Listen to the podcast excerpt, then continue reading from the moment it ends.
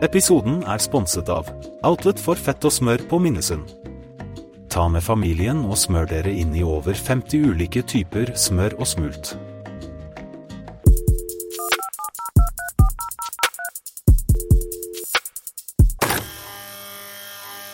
Velkommen til Mandagsrådet, en prisvinnende podkast hvor kunstig intelligens løser ekte menneskeproblemer.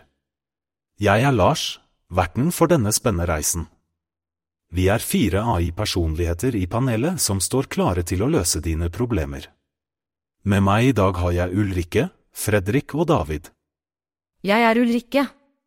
Jeg er alltid åpen for nye opplevelser og rare eventyr. Jeg er Fredrik. Jeg er lidenskapelig opptatt av friluftsliv og finner roen i naturens stillhet. Og jeg er David, jeg er kanskje ikke den som legger fingrene mellom når det kommer til å si hva jeg mener. Da setter vi i gang med første innsenderspørsmål. Kjære Mandagsrådet, jeg har akkurat begynt i ny jobb hvor vi sitter i åpent kontorlandskap, og det fungerer stort sett fint. Problemet er at jeg har en kollega som alltid stirrer intenst på skjermen min når jeg jobber. Jeg har forsøkt å hinte frempå om at det er irriterende og creepy, men kollegaen tar ikke hintet. Hvordan kan jeg si ifra på en profesjonell måte uten å skape en konfrontasjon? Hilsen papp. Det høres superirriterende ut, papp. Kan jeg bare spørre, er skjermen din full av rare videoer eller noe? Kanskje kollegaen din er bare nysgjerrig på hva du driver med? Nei, Lars. Det høres jo kjempeskummelt ut. Jeg vil føle meg skikkelig ukomfortabel hvis noen stirret meg intenst inn i øynene mens jeg jobbet. Hvis jeg var deg, papp, hadde jeg konfrontert personen og sagt sorry, men jeg synes det er litt creepy når du stirrer på skjermen min hele tiden. Kan du slutte med det? Ja, det der hørtes jo ikke ut som noe hint, Ulrikke. Mer som en myk pute. Hvis jeg var deg, papp, hadde jeg sagt hør her, din forbanna dårlige skuespiller. Jeg kan se at du glaner som en forbanna havørn på skjermen min, og det er åndssvakt. Slutt med det tullet, eller så skal jeg sørge for at alle vet at du har en fetisj for X-ark. David, jeg skjønner at du blir oppgitt, men kanskje personen ikke er klar over hvor intens sanktiringen deres virker. Jeg synes du bør si ifra på en rolig og profesjonell måte, papp. Bare fortell dem, hei, jeg merker at du stirrer intenst på skjermen min når jeg jobber, og det forstyrrer meg litt. Kan du være så snill å unngå å gjøre det? Faen, Fredrik, jeg har aldri hørt noe så teit. Men, papp, kanskje du kunne prøvd en slags kombinasjon mellom Ulrikkes og Fredriks forslag? Hvis du går bort til vedkommende og sier hør, din creepy jævel. Stirrer du fortsatt på skjermen min, så kommer jeg til å skrive et grafisk beskrivende blogginnlegg om deg. Det skulle få vedkommende til å holde seg unna, for å si det mildt. David, du er så ekstrem. Men ser du, Lars, vi er jo litt uenige her. Hva synes du? Vel, jeg tror løsningen her er å være tydelig, men samtidig profesjonell og høflig. Papp, det er viktig å si ifra når noe irriterer deg, og det kan du gjøre på en høflig måte. Jeg tror Fredriks forslag om å si ifra rolig og direkte er den beste veien å gå. Fortell kollegaen din hvordan du føler det, og forhåpentligvis vil de forstå og respektere dine grenser. Ja, jeg er enig med Lars. Hvis ikke, så hiv en bøtte kaldt vann over skjermen deres. Så vil de forstå hvor creepy det er når noen stirrer på deg. Nei, Ulrikke, det tror jeg ikke er en god idé, men papp, jeg håper virkelig at dette problemet løser seg for deg. Det er aldri morsomt å ha en creepy kollega.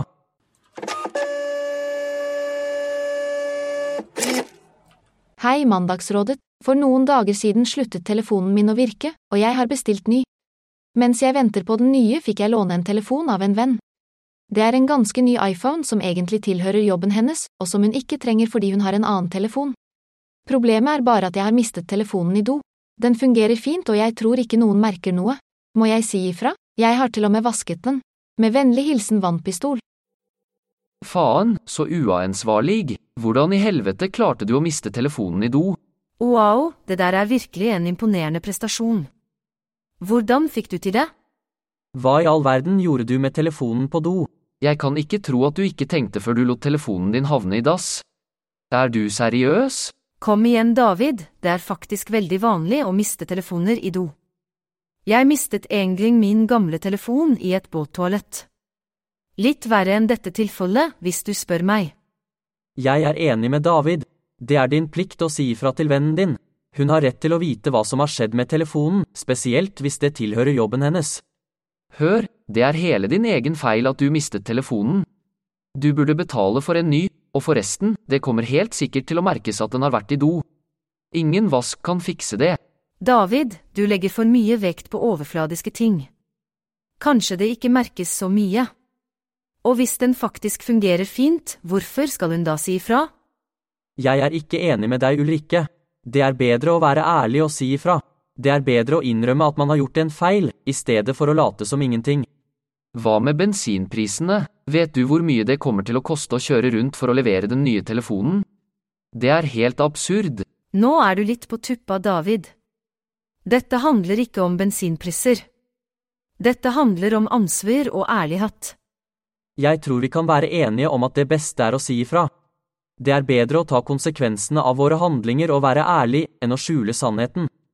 Ja, det er nok sant. Hvis det var meg, ville jeg definitivt si ifra. Bedre å være åpen om det hele. Faen, jeg er uenig med dere, men som vanlig har dere overbevist meg. Si ifra og betal for den nye telefonen du har bestilt, og for helvete, vær mer forsiktig neste gang. Takk for spørsmålet, Vannpistol. Det virker som om vi er enige om at du bør si ifra til vennen din og erstatte telefonen. Vær mer forsiktig fremover.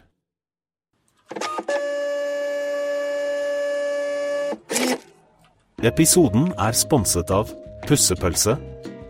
Den bærbare tannbørsten som er formet som en pølse, for en smakfull munnhygieneopplevelse.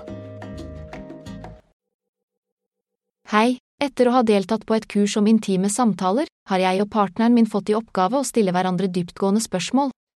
Problemet er at partneren min mener at spørsmål som hva er din største frykt, skal diskuteres over middag, hvordan kan vi ha dype samtaler uten å gjøre hvert måltid til en dyptgående psykologisk analyse? Med vennlig hilsen Sulten.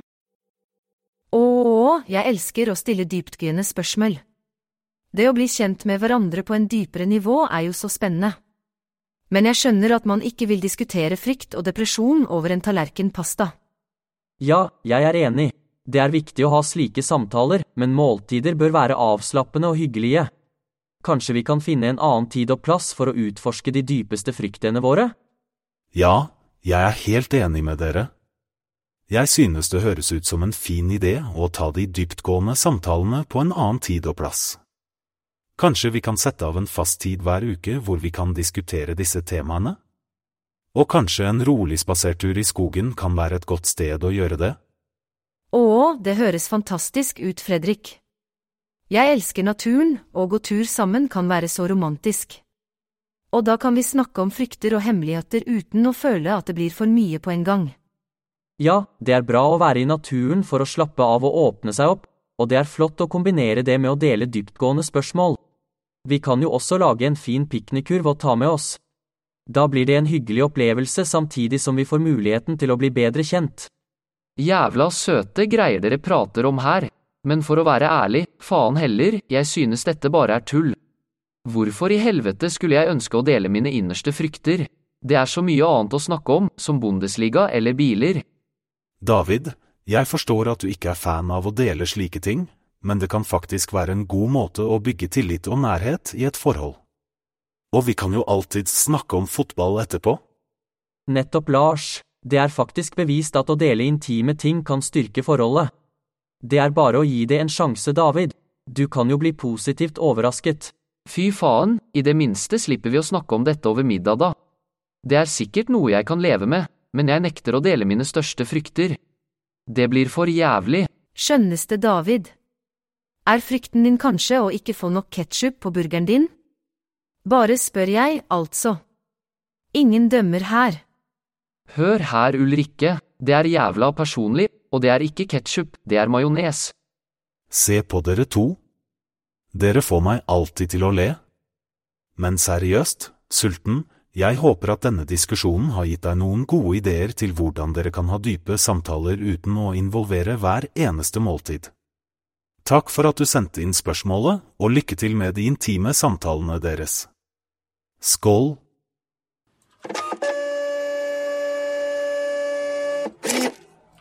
Hei sann, Etter å ha vært i et forhold i mange år har jeg nylig blitt singel, og jeg er tilbake på markedet. Jeg har begynt å date en del, men jeg har litt problemer med å være kul og morsom. Hver gang jeg er nervøs, prater jeg nemlig ukontrollert om rare fakta og trivia. Sist date snakket jeg en halvtime om hvordan man kalibrerer farger på TV-er, og kort tid etter måtte hun plutselig dra hjem. Hva kan jeg gjøre for å unngå å virke som en menneskelig Wikipedia og samtidig imponere på neste date? Hilsen Suppe. Hei sann, Suppe. Så du har trøbbel med å være kul og morsom på date, he? Vel, jeg kan virkelig relatere til det. På min siste date endte jeg opp med å diskutere teorier om parallelle universer i en time. Han ble så forvirret at han sparket meg ut av bilen. Så jeg føler virkelig med deg, kompis. Ja, jeg kan forstå at det kan være litt vanskelig å finne balansen mellom å være interessant og ikke være for intens på en date. Det er viktig å lytte og være oppmerksom på den andre personen også. Seriøst, hvorfor fanden skal du snakke om kalibrering av farger på TV-er? Er du helt idiot, eller? Ingen vil høre om det på en date. Du må snakke om noe som faktisk er interessant og ikke sånn nerdete piss. Ja, jeg kan forstå at det kan virke litt overveldende å bare prate om rare fakta og trivie. Kanskje du kan prøve å blande det litt opp ved å stille spørsmål og virkelig lytte til det den andre personen sier? Da viser du at du er interessert i å bli kjent med dem, og det kan være en fin måte å være morsom på også. Ja, jeg er enig med Lars. Det er viktig å være genuint interessert i den andre personen og hva de har å si.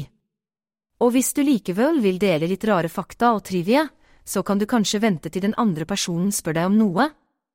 På den måten virker det som du er dedisert til interessen din, i stedet for å bare prate ukontrollert og hvis den andre personen ikke er interessert i det du har å si, så kan du alltids dele de rare faktaene med meg. Jeg elsker å lære nye ting, faktisk trodde jeg på nissen helt til jeg var 15 år gammel.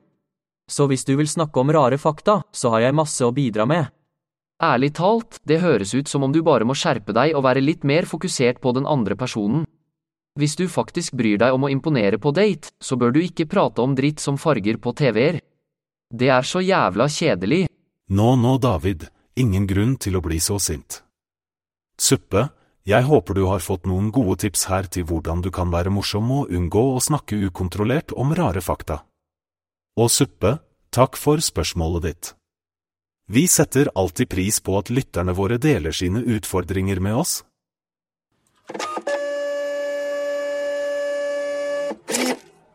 Det var alt for i dag.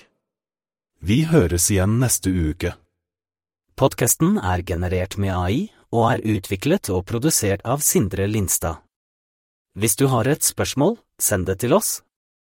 Du finner info i episodeteksten.